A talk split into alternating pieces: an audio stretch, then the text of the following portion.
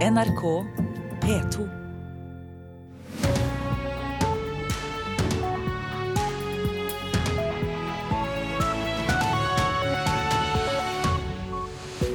Velkommen til Nyhetsmorgen. Øystein Heggen er i studio, og vi har disse sakene den nærmeste halvtimen. Donald Trumps innreiseforbud utsettes på ubestemt tid av en føderal dommer. KrFU ber moderpartiet kreve garantier for innstramminger i abortloven for at KrF skal bli med i regjering etter valget. Digitale arbeidsmetoder kan velte Norges største bedrifter, advarer Google, som starter digitaliseringsskole for norske ledere. Og eldre arbeidsledige i Rogaland sliter med å komme seg ut i jobb igjen. I USA har altså en føderal dommer på Hawaii i natt forlenget den midlertidige stansen av president Donald Trumps innreiseforbud. Det gjaldt jo innbyggere fra seks muslimske land.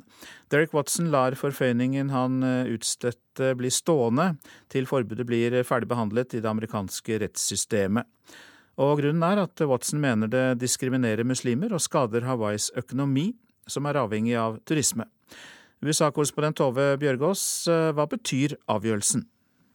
Det betyr at dette nå kommer til å ta tid før vi vet om dette andre innreiseforbudet som Donald Trump altså utstedte 6.3, eh, vil bli stående. Eh, det er en eh, rettshøring som står på agendaen 8. mai. Så fram til det så kan i hvert fall alle innbyggerne i disse seks landene reise til USA som vanlig. Og dette reviderte innreiseforbudet er jo det vi snakker om, signert 6.3. Gjaldt folk fra Jemen, Somalia, Iran, Sudan, Libya og Syria. Det ble også stanset av en føderal dommer i Maryland. Hva er det som skjer videre i denne prosessen, denne form formalitetene her? Nei, nå er det altså to delstater, altså to dommer, føderale dommere i to ulike deler av USA som har stanset dette. Og nå er det altså til Maryland, eller til faktisk en domstol i Virginia, en ankedomstol, at Trump-administrasjonen har anket. Så der vil dette bli behandlet 8. mai. Men det betyr også at dersom de to domstolene skulle komme til ulike dommer her, så vil dette her være en typisk sak for amerikansk høyesterett. Og det vil bety at det tar enda lengre tid. Et annet stridspunkt her er at når det gjelder denne dommeren på Hawaii som kom med denne avgjørelsen i natt, så har Trump-administrasjonen der påpekt, eller Justisdepartementet da, på vegne av Trump-administrasjonen sagt at når det gjelder forbudet mot flyktninger, som, som også inkluderes i innreiseforbudet, at det ikke rammer Hawaii, og at det derfor ikke burde være med i dommen fra Hawaii. Men dommeren på Hawaii sier at det ikke stemmer, og, og, og mener at det også gjelder for eh, flyktninger. Så, så, så, nå er altså hele dette forbudet eh, stanset inntil i hvert fall 8. mai. Men Er det noe mer Det hvite hus kan gjøre, da, bortsett fra å sitte og vente på avgjørelser i rettsvesenet? Nei, Nå må de jo bare fortsette å argumentere slik som de har gjort. Det som vi vet, eller det som vi egentlig ikke vet, men hører om her i, her i USA, og også fra jeg har snakket med folk fra, fra, fra, flere muslimske land de siste ukene som sier at det er blitt mye vanskeligere å få visum til USA. Ikke bare fra de landene som står på denne lista, men f.eks. fra Tyrkia eh, og, og, og, også fra Irak og andre land. Eh, og at det, er, eh, Man har allerede skjerpet inn prosedyrene, selv om det ikke er noe forbud. altså. Så, så Det hvite hus har jo klare ønsker her i forhold til hvordan de ønsker at, at det skal bli strengere å komme inn i landet. Men når det gjelder et totalt forbud, så er det altså nå bare rettssystemet som kan avgjøre det. Økonomi er blitt brukt. Skader det USAs økonomi at man har et forbud? Ja, Det er jo det dommeren på Hawaii har argumentert med hele tiden. At dette skader både universiteter her i USA, fordi mange studenter fra disse landene ikke blir sluppet inn, men også da turismen. Vi har jo ikke noe endelige tall for dette, men det har kommet allerede noen beregninger av hva det har kostet amerikansk turisme at dette forbudet kom. Og også bare alt det som har skjedd etter at Trump ble president. I New York så, så sier noen som har beregnet dette her, at det, for første gang på åtte år så vil antallet besøkende til New York falle med hele 2,4% ifølge beregninger. Og Det skal koste noe sånn som 700 millioner dollar altså i tapte inntekter for New York. Og man, man regner også med at mange andre steder så vil bare den uroen det skaper, at det har vært så mye, mye stans og, og, og, kaos på flyplasser, som folk husker fra da det første innreiseforbudet kom med 27.1, gjort at mange ikke ønsker å komme hit til USA lenger. Og Vi skal også huske at det er mange som bor i andre land enn USA som har pass fra disse seks landene. Så dette, Vi vil nok få vite framover hva dette vil bety for amerikansk økonomi. Men at, at turismen til dette landet allerede er rammet, det uh, viser seg som, som ganske klart. Takk skal du ha, Tove Bjørgaas fra Washington. Abortloven må strammes inn dersom KrF skal støtte en regjering etter valget. Det krever KrFs ungdomsparti. Nei, glem det. Det sier eh, regjeringspartner eh, Høyre. Vi mener at eh, i neste periode så må abortloven opp til revidering. KrFU-leder Ida Lindtveit kaster en brannfakkel rett inn i debatten rundt abort bare uker før moderpartiet KrF skal ha landsmøte. Og hun stopper ikke ved at bare moderpartiet skal behandle saken. Hør bare her. Menneskeverd er den viktigste saken for KrF. Derfor mener jeg at KrF må ha dette som et tydelig krav når de går inn i samarbeid med andre partier etter valget. Kravet er tilsynelatende enkelt. Hvis Høyre eller Arbeiderpartiet vil ha KrFs støtte etter valget, mener KrFU at partiene må godta en innskjerping av dagens abortlov. Både når det gjelder såkalt fosterreduksjon, altså når man fjerner et foster ved tvillingsvangerskap, og når det gjelder paragrafen om kriterier for abort etter tolvte svangerskapsuke. Hvis vi ikke får en presisering, så vil vi stadig gå mot et sorteringssamfunn. Vi ser nå at tvillingabort blir lovlig. Er hareskår, er det mulig eh, abortkriterium? Hva hvis fosteret mangler en arm, skal det være innenfor begrepet sykdom? Dette trenger vi en debatt om, og dette trenger vi at politikerne i landet vårt løfter. Lindtveit vet at et slikt krav kommer til å gjøre vondt hos begge de potensielle samarbeidspartnerne Arbeiderpartiet og Høyre. Det er jo ikke deres politikk i dag, men jeg mener at de også bør være ansvarlige politikere og være åpen for å diskutere en lov som ble vedtatt på 70-tallet og nesten ikke er revidert siden. Jeg skjønner ikke helt hvor dette kommer fra. Sier Heidi Nordby Lunde, stortingsrepresentant og nestleder i Høyres kvinneforum, før hun fortsetter. Vi har hatt flere abortdebatter i Norge i senere tid, og også i partiet Høyre, hvor vi hadde en bred og grundig debatt bare for noen år siden. Det har ikke skjedd noen medisinsk utvikling som jeg kjenner til, som har endret uh, vårt uh, holdning til, uh, til abort. tvert imot så hegner vi om dagens abortlov og vil forsvare den. KrFU-lederen står på sitt. Hun mener en revidering og innskjerping av dagens abortlov er nødvendig for å hindre at loven blir ett skritt på veien mot sorteringssamfunnet. Eh, abortloven vil bestå, men det er dette akkurat som går på egenskaper ved fosteret vi er opptatt av. Fordi utvannes det, så går vi mot et sorteringssamfunn der man sorterer bort fosteret basert på egenskaper. Lunde sier Høyre uansett har lukket døren for kravet fra KrFU, uansett om det skulle bli fremmet av moderpartiet i eventuelle regjeringsforhandlinger. De må jo gjerne stille krav, men eh, når regjeringen skal eh, velge vår politikk, så må vi gjøre det ut fra en plattform der vi er enige. Her er det stor uenighet, og Høyre har tatt et klart standpunkt om å verne om dagens eh, abortlov, som jeg syns at dette blir veldig problematisk. Reporter her var David Voislav Krekling. Den digitale måten å drive forretninger på blir så altomfattende at den kan velte Norges aller største bedrifter om få år. Ja, den advarselen kommer fra Google, som starter digitaliseringsskole for en håndfull norske styreledere i dag. Det er liten tvil om at bedrifter som ikke tar denne utfordringen alvorlig, vil forsvinne i løpet av de neste ti årene. Er det mange slike selskaper i Norge? Ja, jeg vil tro at det gjelder mer eller mindre alle selskapene på Oslo Børs. Det sier Googles norgessjef Jan Grønbekk. I dag starter Google et kurs for 15 utvalgte styreledere, i håp om at de skal kunne hjelpe norske bedrifter å overleve den digitale revolusjonen. Og da trengs det både mer kompetente og yngre mennesker. Jeg tror en av de største utfordringene er at det er for høy gjennomsnittsalder i norske styrerom.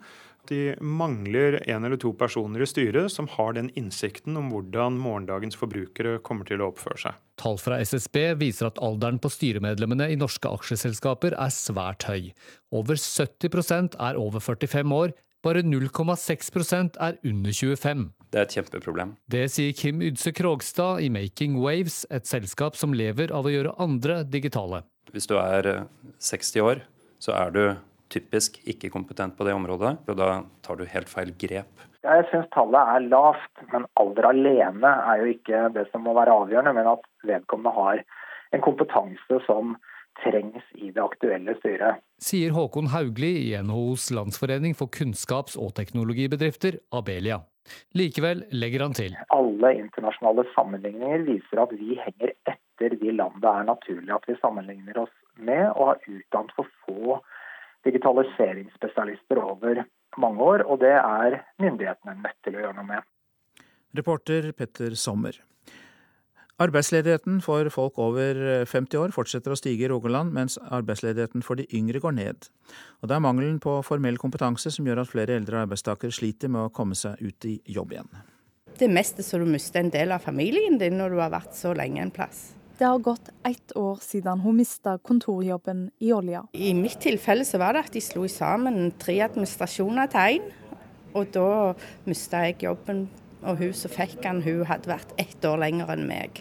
Og jeg hadde jo allerede vært der i 17 år. Å finne en ny fast jobb har ikke vært lett, for hun er snart 59 år og mangler høyere utdanning. Selv om jeg har lang erfaring, så, så har jeg ikke noe annet enn et fagbrev i kontorfag, så da blir det sånn. Dette høres veldig kjent ut. Det sier Stig Veland, leder ved Nav-kontoret Eiganes og Tastad i Stavanger. Sist måned viste tallene for Rogaland at arbeidsløysa går ned. Men det finnes unntak. Blant de arbeidsledige over 50 år holder arbeidsløysa fram med å stige. Og kanskje enda mer for de over 60 år. Så, så øker fortsatt eh, ledigheten i denne aldersgruppa. I tillegg er det også en stor del av de arbeidsledige over 50 år som har vært ledige i lang tid. Av de om lag 1800 arbeidsledige i Rogaland som har mindre enn fem måneder igjen av dagpengeperioden, er over 450 av de over 50 år. Hvordan forklarer dere dette? Det er jo et krevende arbeidsmarked, og det er mange å konkurrere eh, med når en søker nye jobber. Så det er klart at Alder eh, spiller nok inn, men, men vi ser nok òg at det, hva type kompetanse en har. Eh, dette med formell utdanning er nok en, en, faktor som spiller inn her. Hvilke krav stiller de som, som vil ha ansette folk, da? Da skal det være bachelor, og det skal være masse studiepoeng og all slags som jeg ikke har, da. Det er på jobbdrøs i Sandnes vi møter kvinner som ønsker å være anonyme. Her er også andre arbeidsledige som er i en lignende situasjon. Alf Inge Oliversen er 62 år og har vært ledig i fire år. Jeg prøver å stå på, da. Men eh, det er jo ikke jeg som avgjør hvem som de skal ta, eller hvem de vil ha. For Nav har de godt voksne arbeidsledige nå blitt ei prioritert gruppe, forteller Veland. Vi prøver jo å dreie våre virkemidler inn mot de som har gått lenge ledige. Dette kan f.eks. være tilskudd til arbeidsgiver, Eh, som kan være med å redusere risikoen hos arbeidsgiver for å, med å ansette arbeidssøkere som har vært lenge utenfor arbeidslivet. Eh, det viktigste er en betydelig egeninnsats. Eh, jobb er ikke noe i utgangspunktet han får, men det er noe han skaffer seg. Men vi vil òg appellere til arbeidsgiver at det er mange eldre arbeidssøkere med mye erfaring og kompetanse som har mange gode år igjen i arbeidslivet.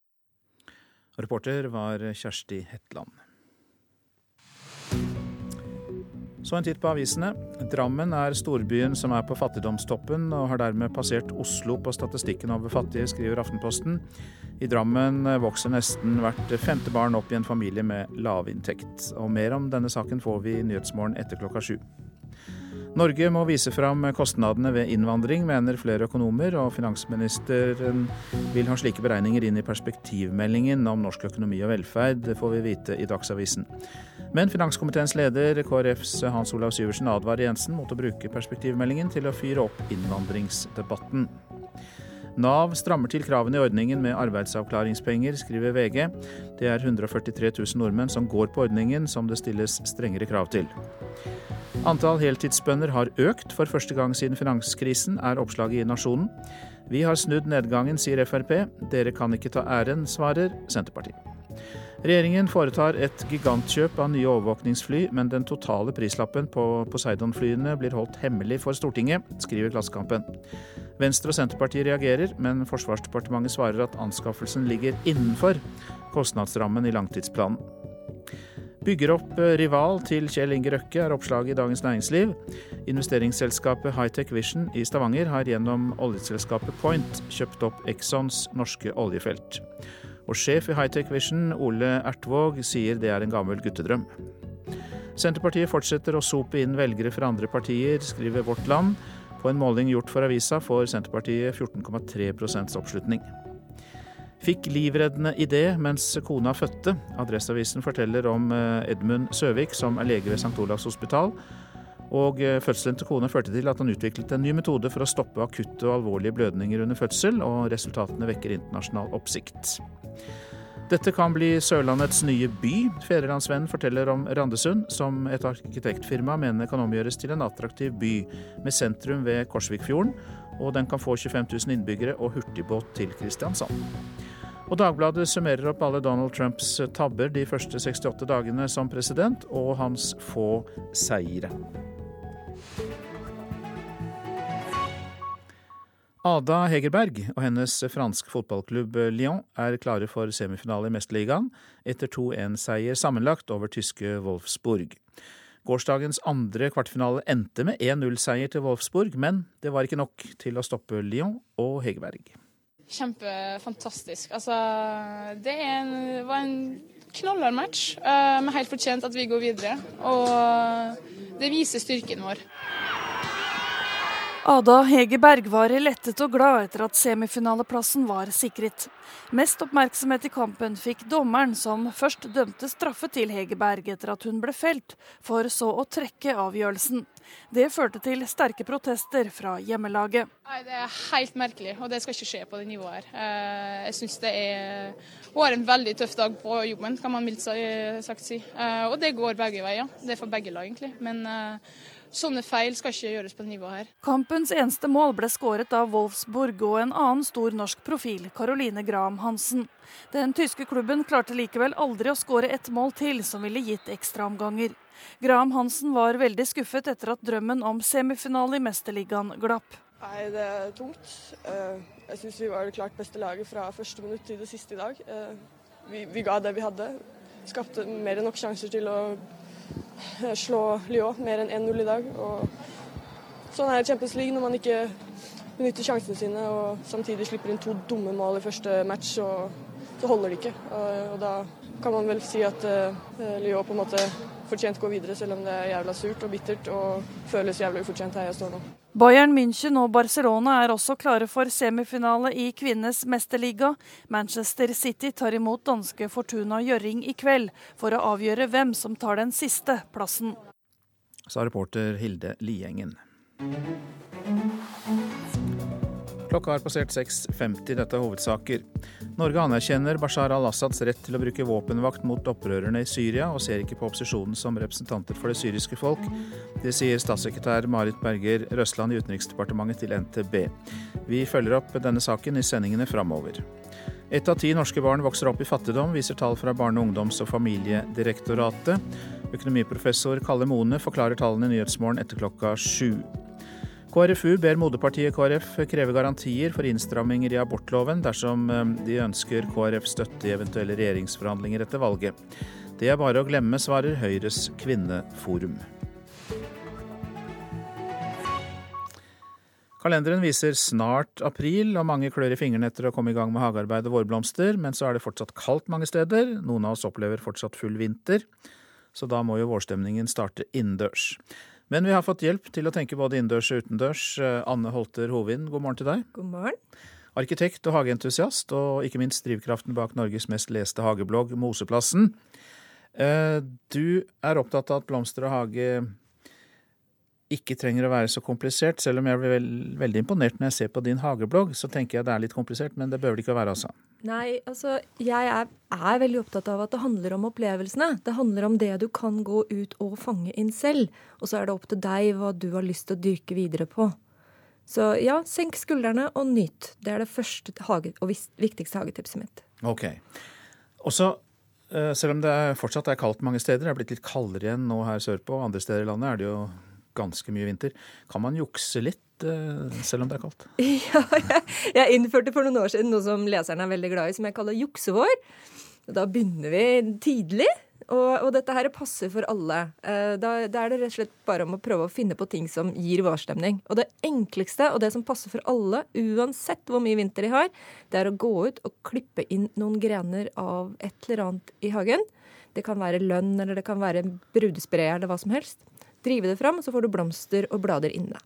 Ah, så det som allerede står i hagen, kan du ta inn, og så plutselig skjer det noe? Ja. Og da er det akkurat det at det skjer noe som er spennende. Og så er det selvfølgelig fint hvis du tar inn plommer, så får du fine blomster. Men hvis du tar inn noe du ikke vet hva er, så skjer det også noe som er gøy. Du blir alltid overraska, liksom. Takk for tipset. Eh, og så er det da de vårplantene man eventuelt eh, kjøper inn. Eh, hvilke er det lurt å starte med? Ja, du kan jo, de, Nå selges det en del i hagesentrene. Og de som har det veldig kaldt, kan jo ha de inne. Og så kan du velge å ha de litt inne og ute, og så kan du ha de samme plantene ute permanent.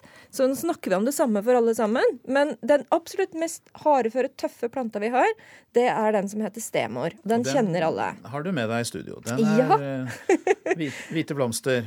Ja, den har forskjellige farger blomster. Da er det best å kjøpe den med små blomster. Fargen spiller ingen rolle. Og så er det viktig å huske på noe som heter å herde, altså som er å vende plantene til utelivet. For disse er vokst opp, og det gjelder alle planter, disse er vokst opp i, i, et drivhus. Så hvis du har de inne, så behøver du ikke å tenke på det. Men skal du ha de ute, så må de være litt sånn inn og ut til de blir vent til at det kan være minus på natta. Og når de først er vendt til, så tåler stemor ti minusgrader. Ah, du skal ta dem litt inn og ut. Det tror jeg mange ikke vet. Nei, det er, det er liksom Og det som da skjer, det er at du får brune blader. Og så blir planta litt sånn furten. Han dør ikke nødvendigvis, men han blir stående der bare 'Hun var slem med meg'. Og så vil den ikke vokse noe mer. Og så, har, og så har du med deg to andre også. Ja. Jeg har med en som heter perleblomst, som er min favoritt blant løkplantene. Uh, og, og, den er uh, Ja, den blir blå eller hvit og er veldig skjønn. Og den står ganske lenge til å være løkblomst. Og så har vi med tusenfryd, som er veldig søt, men som tåler litt mindre enn de andre. Den Løkblomstene generelt, alle sammen, tåler ganske mye minus. Kan jeg få komme med et lite bonustips på løkblomster? Gjør det. Uh, nå kan du få kjøpt disse her i potter. Og så tenker jo ikke mange på at det faktisk er løk, og at den løken kan du ta vare på og plante ut i hagen etterpå. Så kommer den igjen år etter år etter år. Sånn at det er ikke bare den det er ikke bare en bukett du kjøper nå, det er en faktisk plante som du kan stelle og ha glede av i mange år. Takk for inspirasjonen.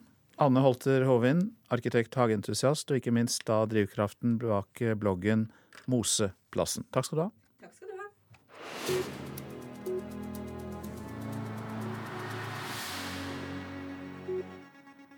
I dag åpner dronning Sonja Arctica Svalbard i Longyearbyen. Arctica Svalbard er en ny kunststiftelse som skal legge til rette for kunst- og kulturvirksomhet på øygruppa i Arktis. Og nå står verksted og kunstnerresidens klar til å ta imot både nasjonale og internasjonale kunstnere.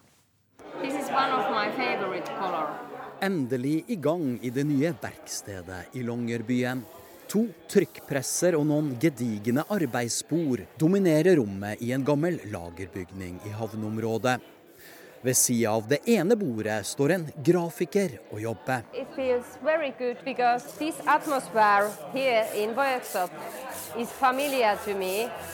And everything outside is a new adventure. So this is perfect. Miljøet her i verkstedet er velkjent for meg, mens alt på utsida er nytt, forteller den finske billedkunstneren Tina Kivinen. Kivinen og den norske saksofonisten Mette Henriette er de første kunstnerne som får gjeste Arktika Svalbard. Det spesielle lyset, den ville naturen og folkene som bor her, er noe av det som drar kunstnerne nordover.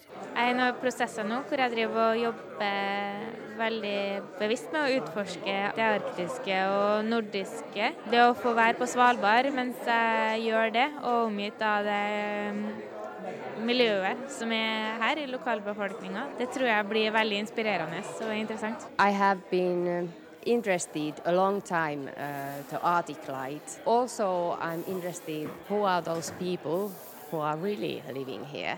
But I'm staying quite long here, so it's very interesting to see what happens. Arktika Svalbard er initiert av Kulturdepartementet, men er også Fritt Ord og Sparebankens kulturnæringsstiftelse med på laget. Stiftelsen skal legge til rette for nasjonale og internasjonale kunstnere som vil jobbe på Svalbard. Gjennom stiftelsen tilbys kunstnerne både stipend, verksted og husrom, forteller daglig leder Audhild Dahlstrøm. Eh, Longyearbyen og Svalbard er en helt spesiell og unik plass. Ikke bare geografisk, men òg politisk. Og i forhold til de endringene som skjer i klimaet akkurat nå. Kunsten skal være til stede der de viktige tingene skjer og derfor er vi i Longyearbyen. Men opprettelsen av Arktika Svalbard handler ikke bare om kunstnerne, sier kulturminister Linda Hofstad Helleland. For regjeringa er det viktig at eh, Svalbard-samfunnet skal ha flere bein å stå på. Og en satsing på kunst og kultur tror vi er veldig viktig. Svalbard er helt unik. Det er noe som eh, ikke finnes andre steder i verden. Og det å invitere anerkjente kunstnere eh, fra hele verden til å komme opp der for å sette norsk kunst og kultur på verdenskartet, men eh, også for å skape og bidra til aktivitet i Svalbardsamfunnet, og ikke minst som en del av nordområdesatsinga til regjeringa. Reporter i Longyearbyen var Rune Norgård Andreassen. Så var det været. Fjell i Sør-Norge først. Eh, først på dagen liten kuling utsatte steder. Om kvelden vestlig sterk kuling utsatte steder i Langfjella. Om dagen kommer det snø, men om kvelden etter hvert opphold, og det kan bli lokalt tåke i fjellet.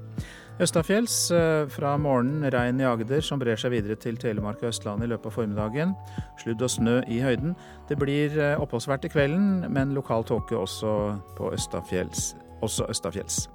Vestlandet sørlig stiv kuling utsatte steder. Forbigående sterk kuling ved Stad. Regn eller yr og lokal tåke sør for Stad.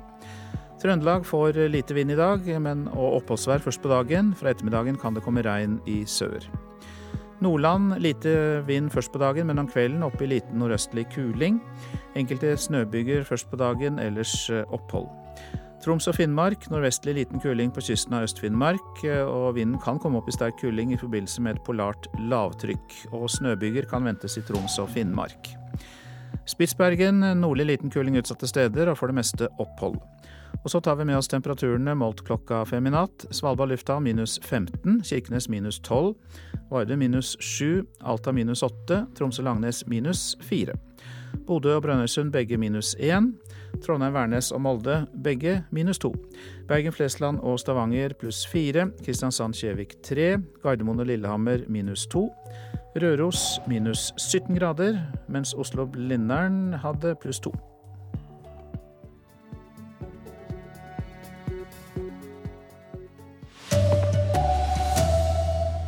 Google advarer norske bedrifter bli digital eller dø, sier teknologiselskapet.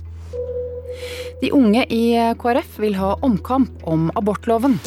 Her er NRK Dagsnytt klokken sju. Den digitale måten å drive forretninger på kommer til å ramme Norge så hardt de neste ti årene at de fleste selskapene på Oslo Børs står i fare for å forsvinne.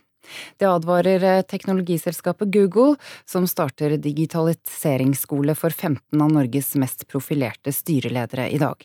Jan Grønbekk er sjef for Google Norge. Det er liten tvil om at bedrifter som ikke tar denne utfordringen alvorlig, vil forsvinne i løpet av de neste ti årene. Er det mange slike selskaper i Norge? Jeg vil tro at det gjelder mer eller mindre alle selskapene på Oslo Børs. Jeg tror En av de største utfordringene er at det er for høy gjennomsnittsalder i norske styrerom. De mangler en eller to personer i styret som har den innsikten om hvordan morgendagens forbrukere kommer til å oppføre seg. Donald Trumps innreiseforbud utsettes på ubestemt tid av en føderal dommer. Dommeren på Hawaii som stoppet president Trumps innreiseforbud med det som kalles en midlertidig forføyning, forlenger den på ubestemt tid til det statlige søksmålet er avgjort, melder nyhetsbyrået Ap. Forbudet rammer seks land og blir oppfattet som et innreiseforbud for muslimer. Her hjemme ber eh, KrFU moderpartiet KrF eh, om å kreve garantier om innstramning av abortloven dersom de skal støtte en regjering etter valget. Det sier eh, KrFU-leder Ida Lindtveit. Hvis vi ikke får en presisering, så vil vi stadig gå mot et sorteringssamfunn. Menneskeverd er den viktigste saken for KrF. Derfor mener jeg at KrF må ha dette som et tydelig krav når de går inn i samarbeid med andre partier etter valget. Og Høyres kvinneforum avviser at de blir med på å stramme inn dagens abortlov. President Donald Trumps datter Ivanka er nå formelt ansatt i Det hvite hus. Hun får en ulønnet stilling som rådgiver for faren sin. Etikkeksperter og flere andre har reagert på at hun ikke har hatt noen formell rolle, samtidig som hun stadig opptrer sammen med faren. Nå som hun er ansatt, må hun forholde seg til de samme etiske reglene som andre statlige ansatte. Minst ti mennesker er funnet i en massegrav vest i Mexico. Drapene blir knyttet til den pågående kampen mellom narkotikakartellene i landet. Flere av de døde ser ut til å ha ligget der lenge, og noen eh, det, av noen var det bare skjeletter igjen. Massegraver som noen ganger inneholder hundrevis av døde, dukker ofte opp i Mexico. NRK Dagsnytt, Ida Creed. Og her i Nyhetsmorgen fortsetter vi med disse sakene. Ett av ti norske barn vokser opp i uh, fattigdom. Økonomiprofessor Kalle Mone forklarer tallene her i Nyhetsmorgen. Det blir omkamp om foreldrepermisjonen i Venstre. Forslaget om at permisjonen skal deles likt mellom mor og far tas opp igjen på landsmøtet. USAs utenriksminister Rex Tillerson besøker Tyrkia. De to landene er allierte, men svært uenige i mange saker. Og mangelen på parkeringsplasser får opp blodtrykket og forsinker pasienter ved Haukeland sykehus i Bergen. Ja, ett av ti norske barn vokser altså opp i fattigdom, viser tall fra Barne-, ungdoms- og familiedirektoratet. De har sett på hvor i landet det er flest fattige barn. I enkelte bydeler i Oslo øst er ett av tre barn fattige. Astrid Aasbakk har to voksne barn, og har levd under fattigdomsgrensen hele livet. Det har vært vanskelig hele tiden. Siden barna var små, så har, har det vært utfordringer. Astrid sitter ofte på Fattighuset i Oslo. Hun forteller at det er mange foreldre innom der. Og det er mange som sliter med små barn. Så på en måte så er jeg liksom Jeg er glad at jeg er blitt så voksen, da. At det ikke er der fremdeles, liksom. I dag legger Barne-, ungdoms- og familiedirektoratet Bufdir fram sin oppvekstrapport for 2017. I den kan man lese at én av ti norske barn nå vokser opp i fattigdom. Dette utgjør omtrent 100 000 barn og barnefattigdommen har tredoblet seg siden 2001. Oppvekstrapporten viser hvor mange fattige barn det er i hver kommune. Dette har de gjort for å hjelpe til med å få til de beste tiltakene i lokalområdene, sier direktøren i Bufdir, Mari Tromald. Sånn at kommunene selv kan gå inn og se hvordan de ligger an, og planlegge både boligforhold, utdanningsforhold og fritidsaktiviteter for å redusere konsekvensen av barnefattigdom i sin enkeltkommune. Rapporten viser store forskjeller mellom kommunene. I noen bydeler rundt Oslo er f.eks. 20-30% av barna fra fattige familier, mens i kommunene i Rogaland er det rundt 7% Den økende graden av barnefattigdom over hele landet er bekymringsverdig, sier Mari Tromald. Dette er assosiert med dårligere levekår, sånn som både psykisk helse og dårligere muligheter til utdanning. I tillegg så ser vi at eh, Økt grad av barnefattigdom gir reduserte muligheter videre til å få seg en jobb og mestre hverdagen sin. Hva må til for å snu tallene? Ja, Det er to ting som må til. Vi må ha en god plan på hvordan man jobber i kommunene og i staten. Både for å motvirke de effektene vi ser av barnefattigdom, men også legge til rette for at færre barn opplever barnefattigdom fremover. Tobarnsmoren Astrid Aasbakk sier at tilbudene hun får, gjør hverdagen litt enklere. Jeg syns jo Altså, jeg, jeg, Det er ikke sånn jeg, jeg, er den siste som går og skammer meg for at jeg er fattig, for det gjør jeg faktisk ikke. Det, altså, jeg, jeg, det, jeg føler egentlig at jeg har det ganske bra, som har sånne tilbud som Fattighuset f.eks. Sånn, jeg går ikke rundt og klager på det, liksom, i utgangspunktet. Astrid Aasbakk hørte vi der, og reportere var Ine Brunborg og Tanita Kveinå. Professor i økonomi ved Universitetet i Oslo, Kalle Mone, god morgen. God morgen. Du skal holde innledning på oppvekstkonferansen om fattigdom som Barne-, ungdoms- og familiedirektoratet arrangerer i dag. Og øh, hvilke grupper er fattige i Norge? Ja, Det er en sammensatt gruppe, men som regel er det familier med én inntekt. Øh, og fattigdom, dette fattigdomsmålet som disse tallene er beregnet ut ifra, det eh, sier hvor mye familiens inntekt er, eh, sammenlignet med 60% av det som blir kalt for medianinntekten. Så det, eh, det, er en kombinasjon av en absolutt fattigdom og en relativ fattigdom her som, som måles. Så jeg må liksom vite det at, at, at når, når medianinntekten går opp, så går antall fattige opp, hvis ikke deres inntekt henger med i samme grad. Så relativt sett eh, sammenlignet med andre land f.eks. er det ikke så ille, men likevel er det også en absolutt fattigdom vi skal peke på her. Ja, altså jeg, jeg syns det er virkelig grunn til å både skryte av rapporten og til å ta disse tallene på alvor. Men det er helt riktig som du sier, at i forhold til andre land så kommer vi fortsatt veldig godt ut. Og Hvis du også ser på eh, holder fattigdomsgrensen konstant, la oss si fra 2004, nå har jeg sett på tall fra 2004, holder den fattigdomsgrensen konstant, da er det en nedgang i antall fattige. altså Andelen av barn som faller under den grensen, uh, går ned. Men siden inntektene ellers i samfunnet har vokst, så blir det relativt uh, flere. De henger ikke med i samme grad, og da blir det relativt flere fattige. Men hva er det da som setter folk i fattigdom i Norge? Ja, det er At de har lavere inntekt enn andre, og som regel at de har bare én inntekt i husholdningen.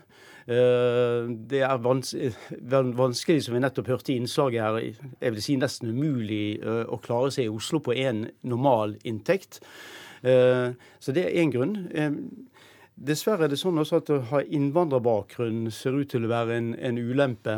Enten fordi de har dårlig utdanning eller har vanskeligheter på arbeidsmarkedet. Og som regel det, det innvandrerfamilier har. Mange av de har bare én inntekt, og derfor har de et stort innslag av fattigdom.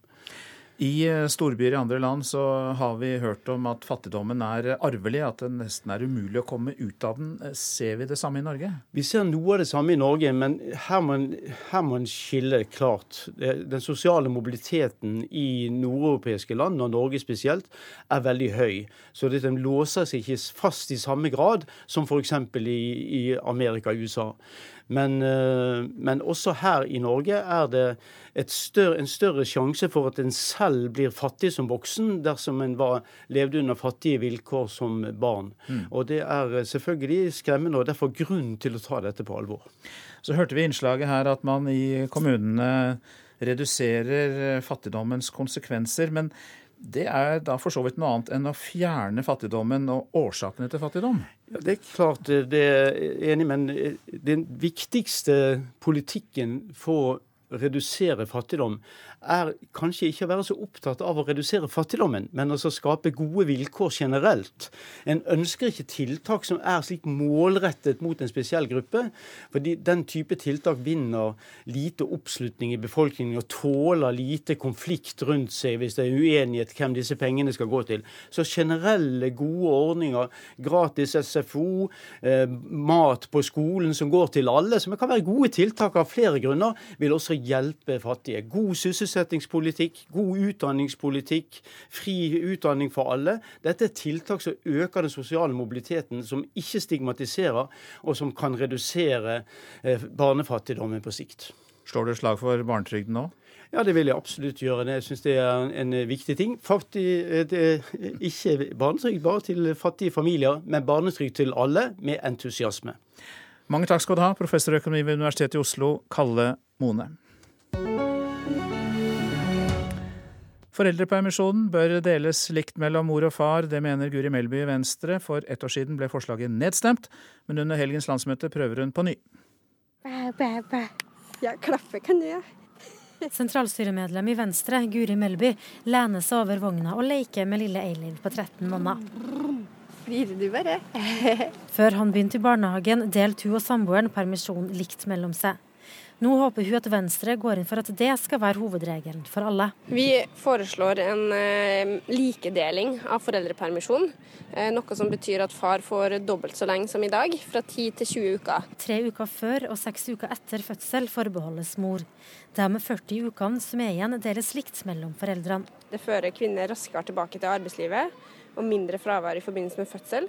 Det gjør også at far tar større ansvar allerede i barnets første leveår, noe som gjør at far sannsynligvis også vil ta større del av byrden senere knytta til henting og levering i barnehage, barns sykdom og en del sånne ting. Også for ett år siden prøvde Melby å få landsmøtet med på en todeling.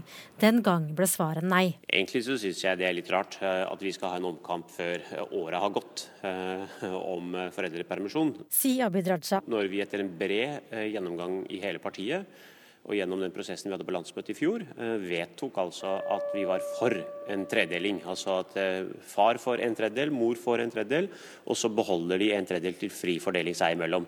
Hvis man deler den eh, foreldrepermisjonen som vi har opparbeidet gjennom lang tid, inn i to like bolker, så er staten inne og regulerer altfor stor grad av eh, familienes liv.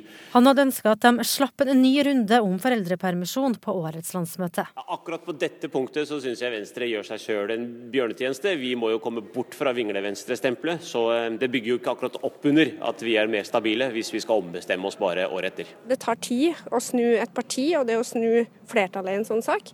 Så Derfor så mener jeg at det er riktig å ta debatten flere ganger. Guri Melby Venstre mente det, og reporter var eh, Siv eh, Sandvik. Og Bjørn Myklebust, programleder for Politisk kvarter eh, om en drøy halvtime. Landsmøter og landsmøter, vi er liksom inne i den sesongen? I dag og i morgen, men Trine Skei Grande hun kommer til oss først i morgen. Det er et annet parti som også har landsmøte i helgen. Rødt. Et lite parti på venstre fløy, men som ønsker å komme i Venstres posisjon. De, at de store partiene blir avhengig av deg for å få flertall.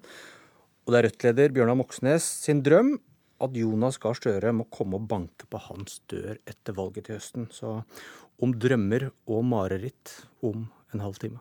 Ja. Politisk kvarter klokka 7.45. Nå er klokka snart 7.14, og vi har disse hovedsakene. Ett av ti norske barn vokser opp i fattigdom, viser tall fra Barne-, ungdoms- og familiedirektoratet. I enkelte bydeler i Oslo øst er ett av tre barn fattige. Det blir omkamp om foreldrepermisjonen i Venstre, har vi hørt. Forslag om at permisjonen skal deles likt mellom mor og far, tas opp igjen på landsmøtet. Hver eneste dag kommer pasienter for sent til legetimen sin ved Haukeland sykehus pga. parkeringsproblemer. Det skal vi høre mer om eh, snart. Men eh, først om eh, storpolitikk, og ikke minst uh, sør-øst i Europa. I dag besøker USAs utenriksminister Rex Tillerson Tyrkia. Han skal møte sin tyrkiske kollega Mevlut Cavusoglu. USA og Tyrkia er alliert i Nato, men likevel rykende uenige om en rekke saker. Og korrespondent Sissel Wold, hva er det som står på listen når de skal snakke sammen? Ja, Den første saken er Syria, men bare et par timer før utenriksminister Rex Tillersen kommer hit til Tyrkia, så kunngjorde Tyrkias regjering sent i går at landet har avsluttet sine militæroperasjoner i Nord-Syria for nå. Det er litt usikkert om Tyrkia trekker soldatene sine ut, men dermed kan en veldig vanskelig sak være ryddet av bordet, og det er nemlig eh, YPG, som er en kurdisk-syrisk milits I sju måneder så har den tyrkiske hæren kjempet mot denne YPG-militsen i Syria. For uh, tyrkerne mener at denne YPG-militsen står i ledtog med PKK, som uh, står på terrorlisten både til Tyrkia og USA. Mens USA har alliert seg med denne YPG-militsen og gitt dem våpen. Og dette har uh, tyrkerne vært rasende over. De føler seg motarbeidet. men når Tyrkia nå avslutter sine operasjoner, så kan det jo hende at det blir et litt eh, lettere møte. Um, videre er det utleveringen av Fetullah Gulen som er et stort tema. Denne predikanten som tyrkiske myndigheter mente sto bak kuppforsøket i fjor sommer. Uh, det var kravene da Donald Trump uh, overtok som president. Uh, BBC skrev om for et par dager siden at at uh, Trumps folk, ifølge CIA-sjef James Woolsey, hadde et møte med nettopp Chavatolo i fjor høst, før Trump ble president, for å prøve å få utlevert denne Fetullah Gulen, som Obama da ikke ville utlevere. Jeg vet ikke om det kommer noe videre på den saken, men det er de to store temaene på, på møteplanen i dag. Nå ble du litt eh, svakere for oss akkurat på slutten der, Sisselvold, så kanskje du skal gå litt nærmere den mikrofonen du har der. Ehm, president eh, Recep Tayyip Erdogan eh, ville at Donald Trump selv skulle besøke Tyrkia som et av de første land, men det har ikke skjedd? Nei, han hadde nok store forventninger til Donald Trump. Og for å få løst disse to problemene, YPG og Fetullah Gulen, og Istanbul har jo sitt eget store Trump Tower. Men uh, han inviterte ham, men det har ikke vært noe snakk om det senere.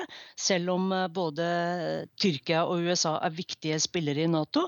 Men nå kommer også Rex Tillerson, som den øverste fra Trumps regjering, til Tyrkia i valgkampmodus. Ja, og du er med oss fra Diyarbakir sørøst i Tyrkia for å følge valgkampen foran folkeavstemningen selvfølgelig 16. april. Hvordan er klimaet der? Det er en veldig spesiell eh, valgkamp fordi retorikken har vært meget hatsk, eh, også innad i Tyrkia. Fordi president eh, Erdogan og hans statsråder som mener at folk skal stemme ja til å gjøre presidenten mye mektigere, omtaler stadig nei-stemmerne som terrorister. Tirsdag besøkte presidenten et nei-telt. Dette ble tolket som et forsøk for å dempe polariseringen, for å si at også nei-folk er, er greie folk og ikke forrædere og kriminelle. Men i går så var han tilbake til det samme sporet og sa at det største opposisjonspartiet, CHP, støtter eh, samarbeider med terrorister for å fremme et nei.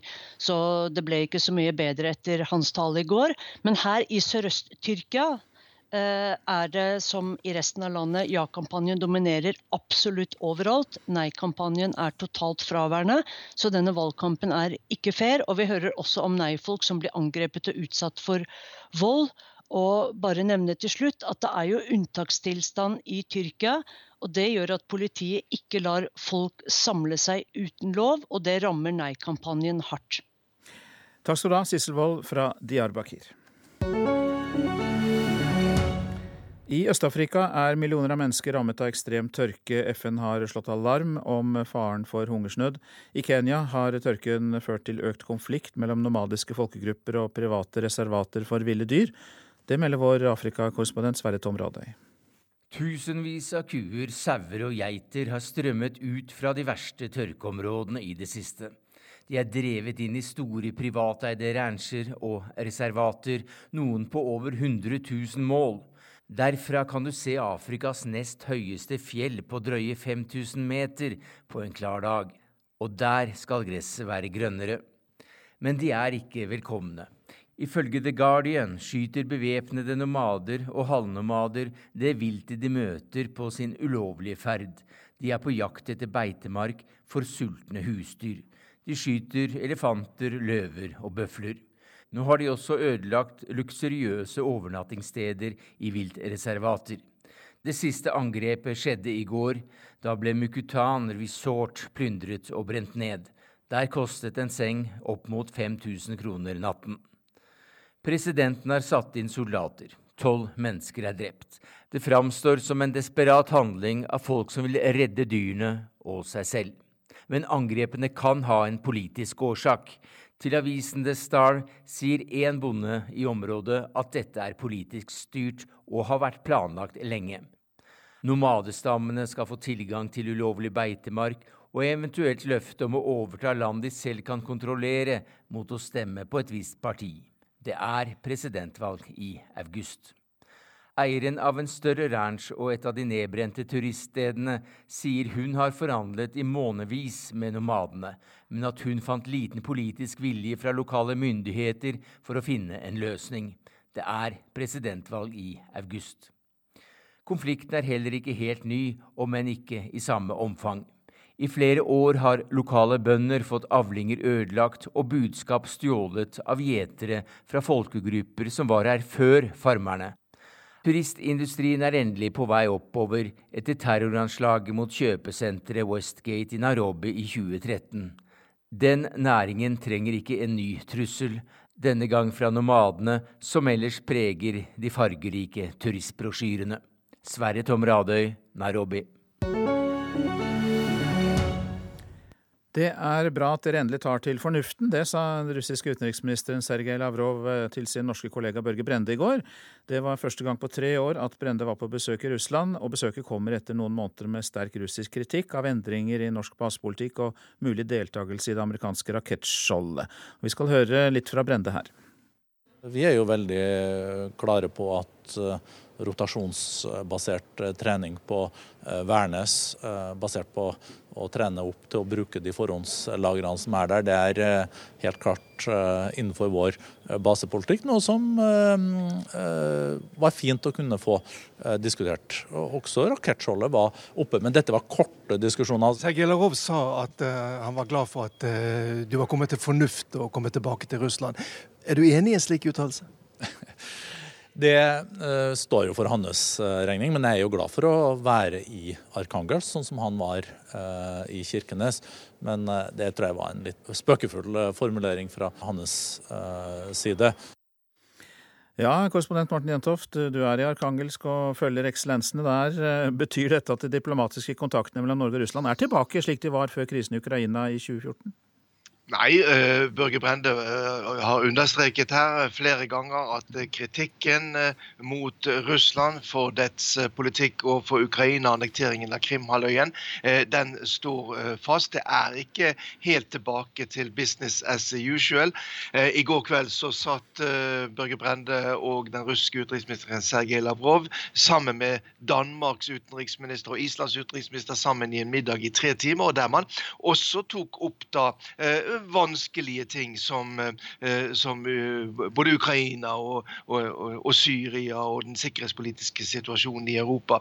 Sånn at eh, det er ikke helt tilbake til slik det var før. Men samtidig så ser vi nå at flere norske statsråder er på vei til Russland. Monica Mæland skal til Moskva i april etter planen. Sånn at det ser jo ut som de politiske kontaktene i alle fall til en viss grad nå er i ferd med å gjenopprettes. Og eh, i dag kommer Russlands president Vladimir Putin til denne arktiske konferansen som holdes i Arkangelsk. Og vet vi noe mer om hva Russland vil med Arktis? Det er jo helt tydelig at de, de, i hvert fall eh, prioriterer dette området høyt. Eh, det har vært en voldsom satsing rundt denne konferansen her i eh, Arkangelsk. Mer enn 2000 deltakere. Putin har ladet opp da til sin tale som han skal holde her om noen timer, ved å besøke Frans Josefsland, denne øygruppen øst for, for Svalbard, der russerne både har styrket sitt militære nærvær, men også satser på sivil utvikling. I, eh, de, de, har jo enorme planer for utviklingen i nordområdene.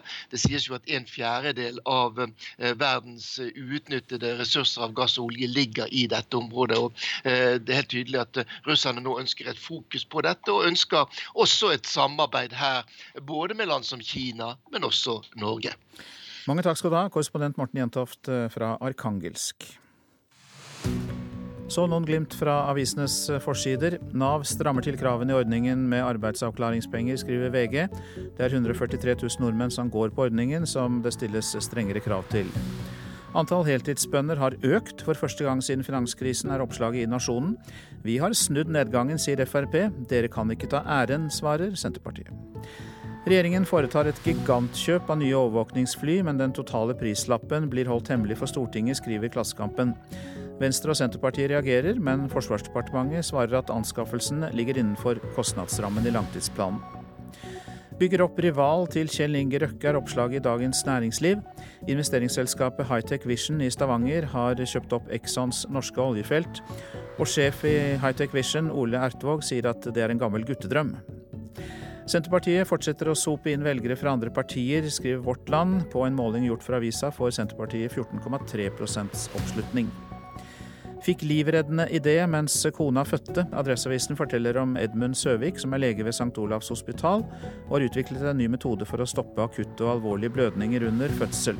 Resultatene vekker internasjonal oppsikt. Dette kan bli Sørlandets nye by. Fedrelandsvennen forteller om Randesund, som et arkitektfirma mener kan omgjøres til en attraktiv by med sentrum ved Korsvikfjorden, og den kan få 25 000 innbyggere og hurtigbåtforbindelse til Kristiansand. Og Dagbladet summerer opp alle Donald Trumps tabber de første 68 dagene som president, og hans få seire.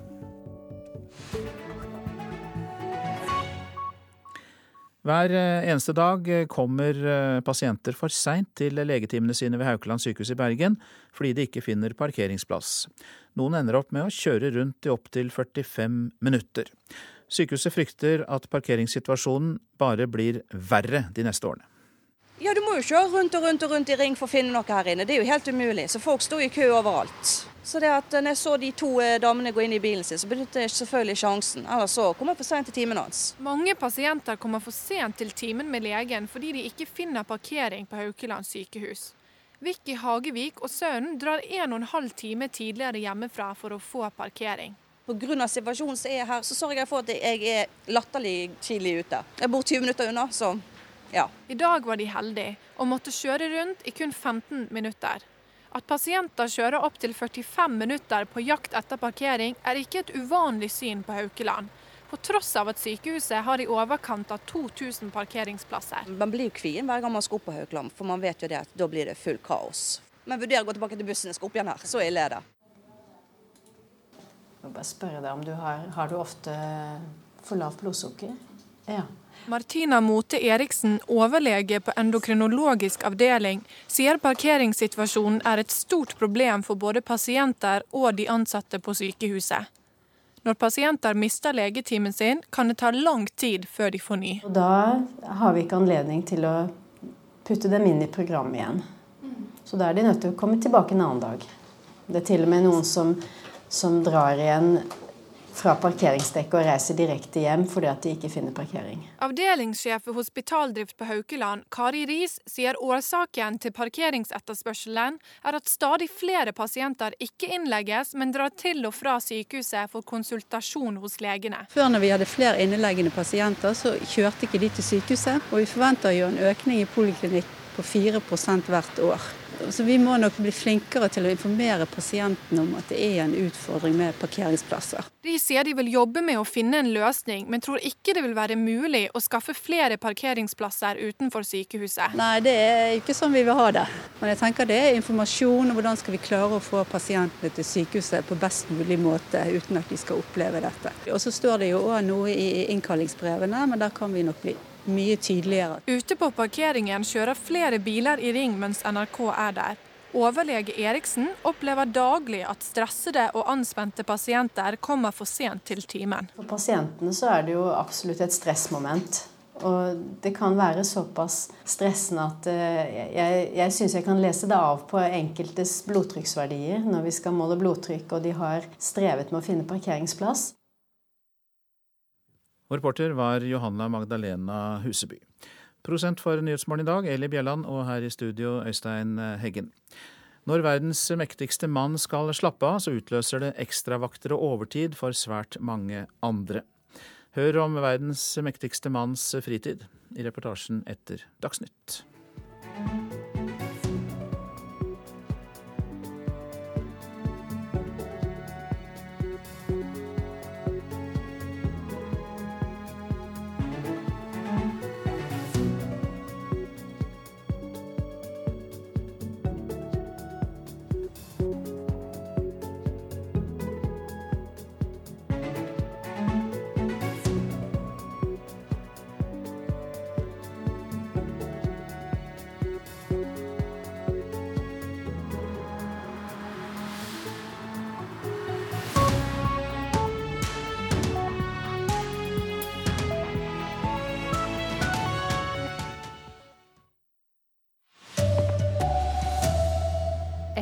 Av ti norske barn vokser opp i fattigdom.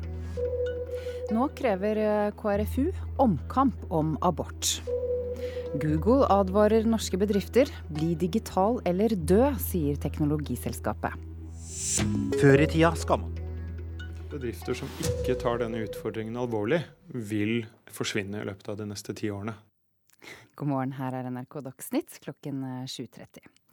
Ett av ti norske barn vokser opp i fattigdom, viser tall fra Barne-, ungdoms- og familiedirektoratet. De har sett på hvor i landet det er flest fattige barn.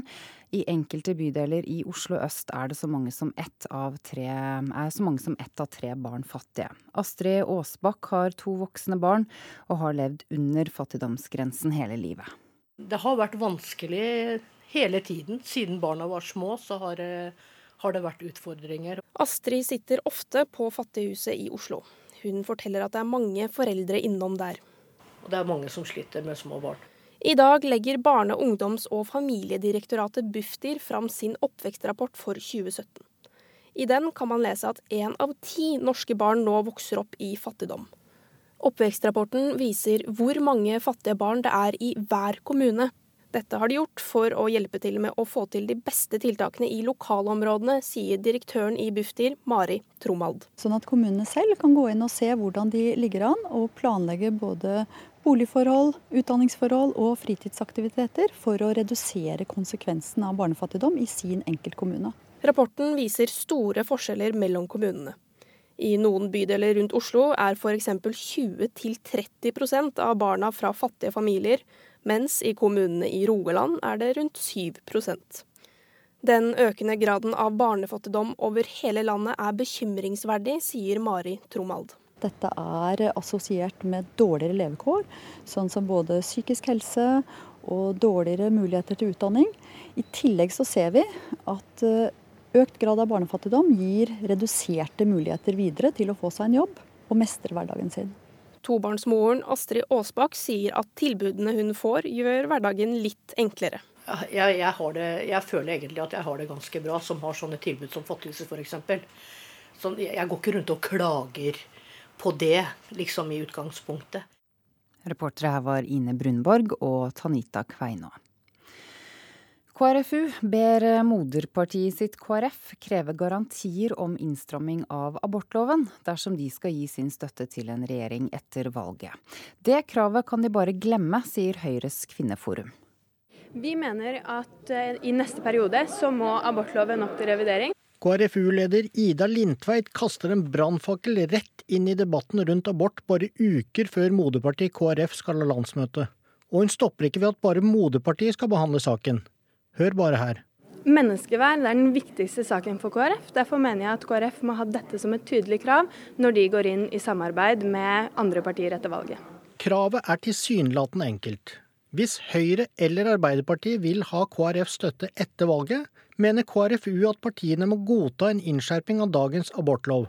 Både når det gjelder såkalt fosterreduksjon, altså når man fjerner et foster ved tvillingsvangerskap, og når det gjelder paragrafen om kriterier for abort etter tolvte svangerskapsuke. Hvis vi ikke får en presisering, så vil vi stadig gå mot et sorteringssamfunn. Lindtveit vet at et slikt krav kommer til å gjøre vondt hos begge de potensielle samarbeidspartnerne Arbeiderpartiet og Høyre. Det er jo ikke deres politikk i dag, men jeg mener at de også bør være ansvarlige politikere og være åpen for å diskutere en lov som ble vedtatt på 70-tallet og nesten ikke er revidert siden. Jeg skjønner ikke helt hvor dette kommer fra. Sier Heidi Nordby Lunde, stortingsrepresentant og nestleder i Høyres kvinneforum, før hun fortsetter. De må jo gjerne stille krav, men eh, når regjeringen skal eh, velge vår politikk, så må vi gjøre det ut fra en plattform der vi er enige. Høyre har tatt et klart standpunkt om å verne om dagens eh, abortlov, som jeg syns at dette blir veldig problematisk. Reporter her var David Voislav Krekling. Den digitale måten å drive forretninger på kommer til å ramme Norge så hardt de neste ti årene at de fleste selskapene på Oslo Børs står i fare for å forsvinne. Det mener teknologiselskapet Google. Det er liten tvil om at bedrifter som ikke tar denne utfordringen alvorlig, vil forsvinne i løpet av de neste ti årene. Er det mange slike selskaper i Norge? Ja, jeg vil tro at det gjelder mer eller mindre alle selskapene på Oslo Børs. Det sier Googles norgessjef Jan Grønbekk. I dag starter Google et kurs for 15 utvalgte styreledere, i håp om at de skal kunne hjelpe norske bedrifter å overleve den digitale revolusjonen.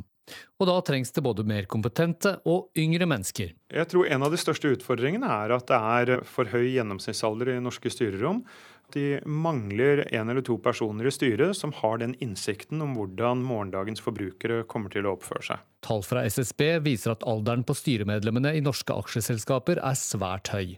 Over 70% er over 45 år, bare 0,6% er under 25. Det er et kjempeproblem. Det sier Kim Ydse Krogstad i Making Waves, et selskap som lever av å gjøre andre digitale.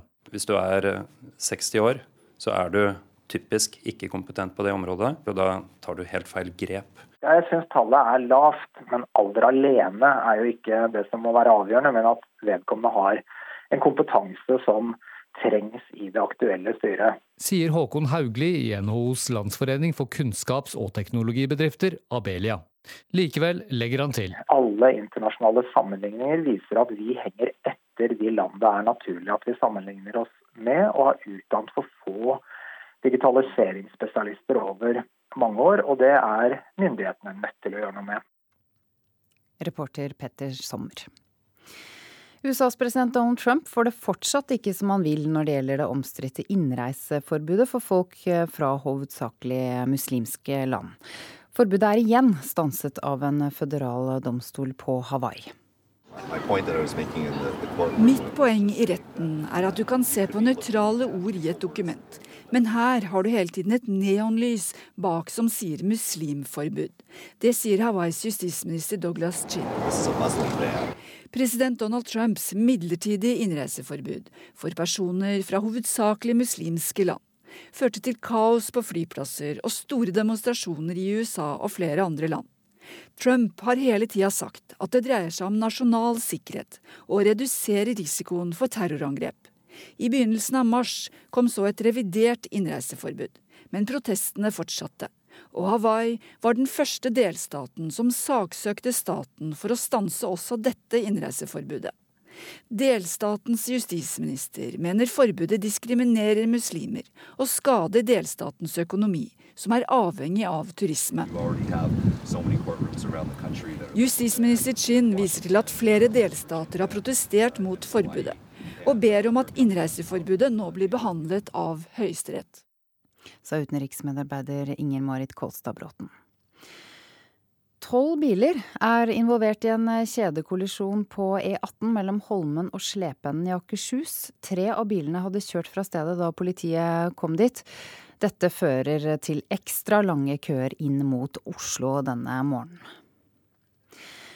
Foreldrepermisjonen bør deles likt mellom mor og far. Det mener Guri Melby i Venstre. For ett år siden ble dette forslaget nedstemt, men under helgens landsmøte prøver hun på ny. Bæ, bæ, bæ. Ja, klaffe kan du gjøre. Sentralstyremedlem i Venstre, Guri Melby, lener seg over vogna og leker med lille Eiliv på 13 måneder. Flirer du bare? Før han begynte i barnehagen, delte hun og samboeren permisjon likt mellom seg. Nå håper hun at Venstre går inn for at det skal være hovedregelen for alle. Det det handler om her, er å snu om på utgangspunktet. Det betyr at tre uker før og seks uker etter fødsel forbeholdes mor. De 40 ukene som er igjen, deles likt mellom foreldrene. Det fører kvinner raskere tilbake til arbeidslivet og mindre fravær i forbindelse med fødsel. Det gjør også at far tar større ansvar allerede i barnets første leveår, noe som gjør at far sannsynligvis også vil ta større del av byrden senere. Også for ett år siden prøvde Melby å få landsmøtet med på en todeling. Den gang ble svaret nei. Egentlig så syns jeg det er litt rart eh, at vi skal ha en omkamp før året har gått. Sier Abid Raja. For ett år siden leda han arbeidet med å meisle ut en ny familiepolitikk. Svaret ble en tredeling, der begge foreldrene får 15 uker hver, mens resten fordeles fritt. Med en tredeling så vil vi både kunne ha en fedrekvote, samtidig klare å beholde fleksibiliteten som vi ønsker at familien skal ha. Han hadde ønska at de slapp en ny runde om foreldrepermisjon på årets landsmøte. Akkurat på dette punktet så syns jeg Venstre gjør seg sjøl en bjørnetjeneste. Vi må jo komme bort fra vingle-venstre-stempelet, så eh, det bygger jo ikke akkurat opp under at vi er mer stabile hvis vi skal ombestemme oss bare året etter. Ja, Det er landsmøtet som får det siste ordet, så i helgen blir det altså klart om Venstre går for todelt eller tredelt foreldrepermisjon. Reporter Siv Sandvik. Arne Fossland har ansvaret for Dagsnytt-sendingen denne morgenen. I studio, Ida Creed.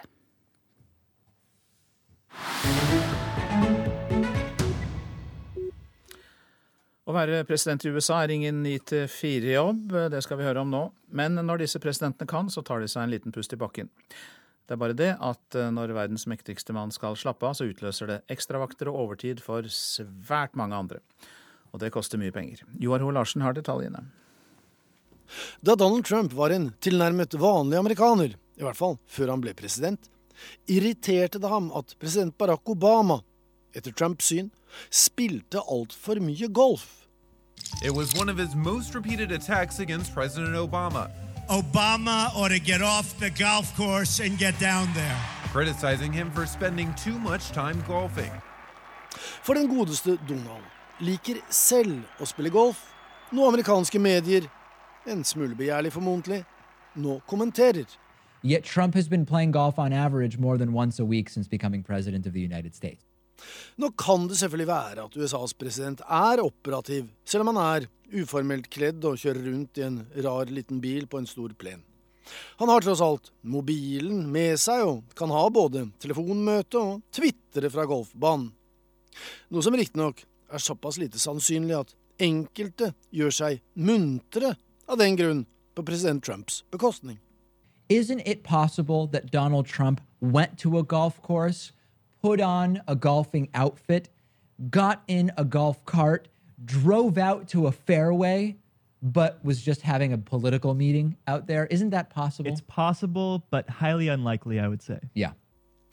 Nå er dette en smule smålig.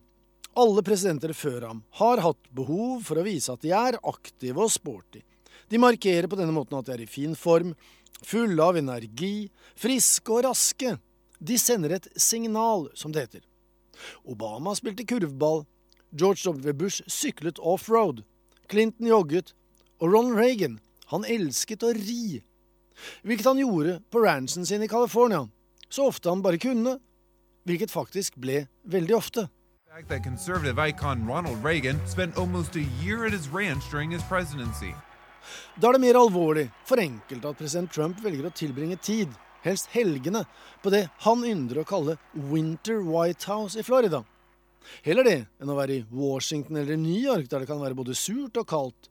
Så flyr han og familien, rådgiver og sikkerhetsfolk til Palm Beach i Florida, der han har sommerhuset sitt, Mar-a-Lago. Der er klimaet mildere og golfingen bedre på vinterstid. Men det koster. Politico har regnet på det og kommet til at bare én slik utflukt har en prislapp på tre millioner dollar. Bare det å bruke presidentflyet, Air Force One, har en timepris på 200 000 dollar. Så en tur-retur Florida nærmer seg ti millioner norske kroner. Og det av et av de viktigste politiske argumentene i USA, av taxpayers money. Og nå reageres det også lokalt i Palm Beach. And every time his motorcade rolls through South Florida, it's people here who have to pay a good chunk of the bill. I tillegg til fylket så har byen også omtrent samme utgifter, altså til sammen drøyt én million kroner om dagen når Trump er på besøk. Nå krever lokalpolitikerne at disse utgiftene ikke belastes lokale skattebetalere, men blir refundert. What we are asking again is help in getting reimbursement to this county and to the city for the expenses of his trip. Og Trumps generelle kommentar til alt som har skjedd de siste ukene, ja, den er bare positiv. Nobody ever told me that politics was going to be so much fun. Og eh, her i Nyhetsmorgen har vi disse overskriftene i dag. Ett av ti norske barn vokser opp i fattigdom, viser tall fra Barne-, ungdoms- og familiedirektoratet. Enkelte bydeler i Oslo øst er ett av tre barn fattige. KrFU ber moderpartiet kreve garantier for innstramninger i abortloven for at KrF skal bli med i regjering etter valget. Det er bare å glemme, svarer Høyres kvinneforum. Donald Trumps innreiseforbud utsettes på ubestemt tid av en føderal dommer på Hawaii. Forbudet mot innreise fra seks muslimske land stanses inntil saken er ferdigbehandlet i det amerikanske rettssystemet. Og digitale arbeidsmetoder kan velte Norges største bedrifter, advarer Google. Internettselskapet starter nå en digitaliseringsskole for norske ledere. Og nå er det Politisk kvarter ved Bjørn Myklebust.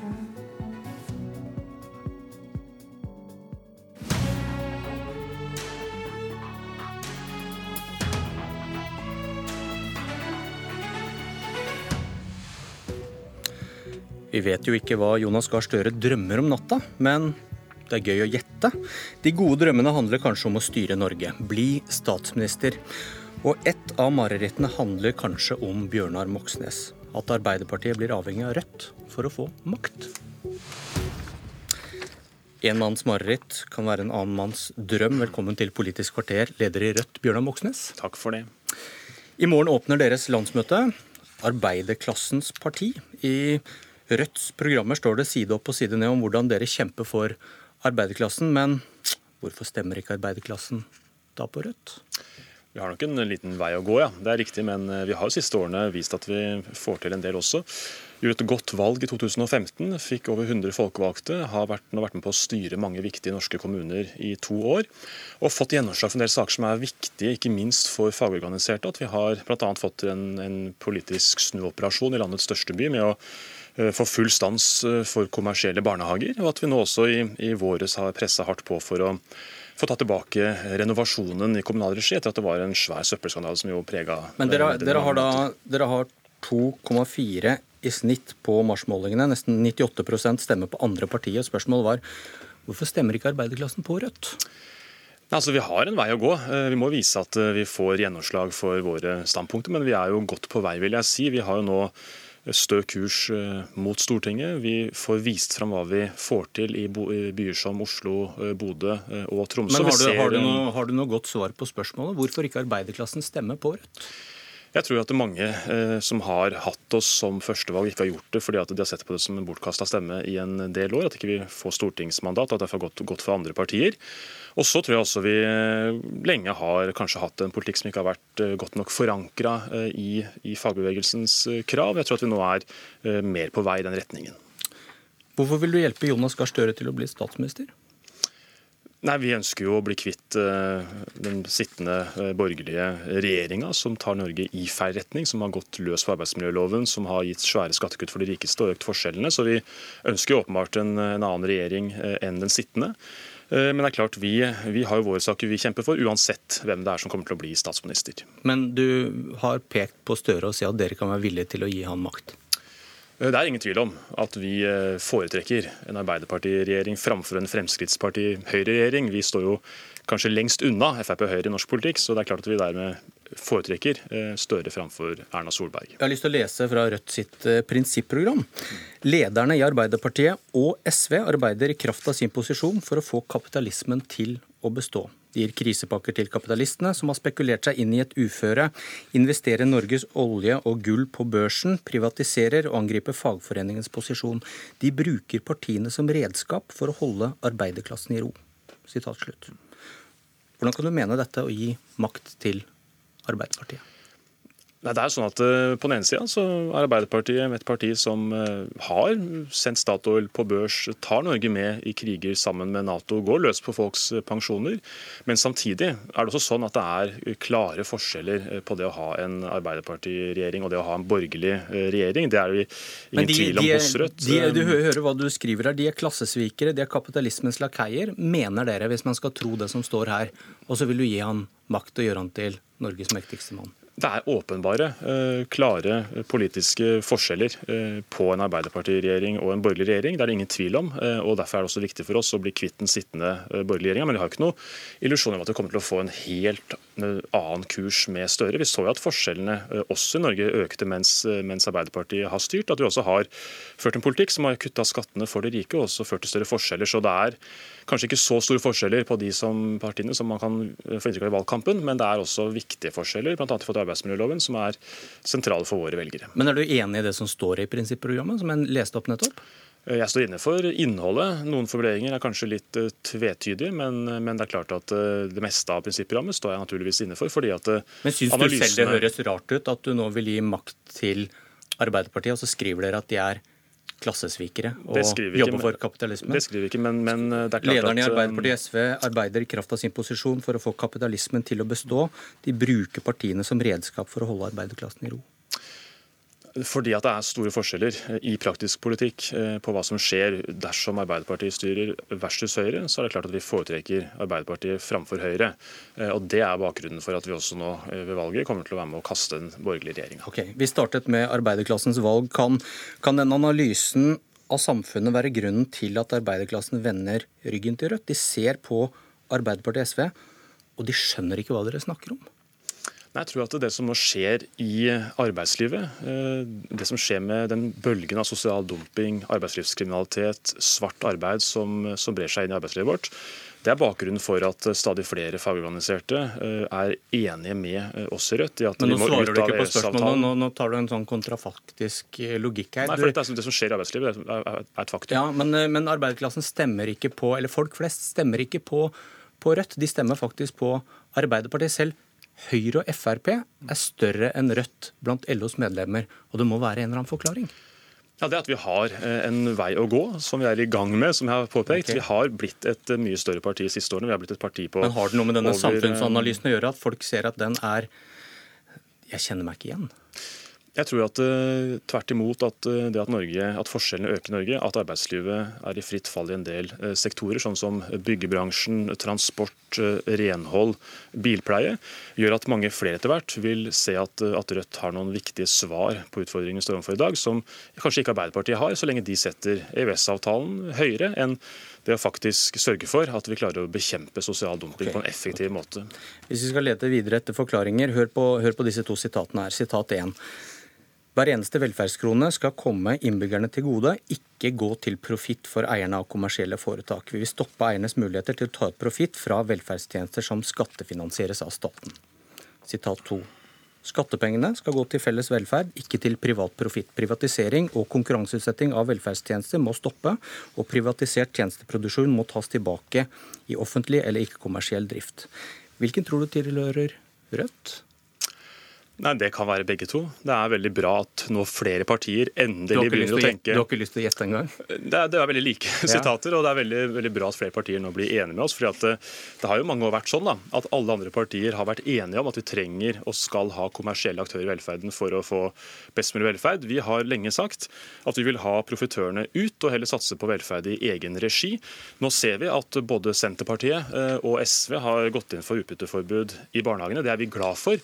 Vi ønsker jo et flertall på Stortinget vi, som kan gå inn for noe tilsvarende. og Da trenger vi at mange flere partier eh, tar etter Rødt, og ikke minst ser at det er mulig å bygge ut velferden i fellesskap, og ikke gjøre seg avhengig av eh, selskaper som har som formål å nettopp hente eh, store verdier ut av velferden. Ok, Da kan jeg avsløre at sitat to tilhører deg. Det er, det er Rødt sin, sin, politikk. Det første var SV. og...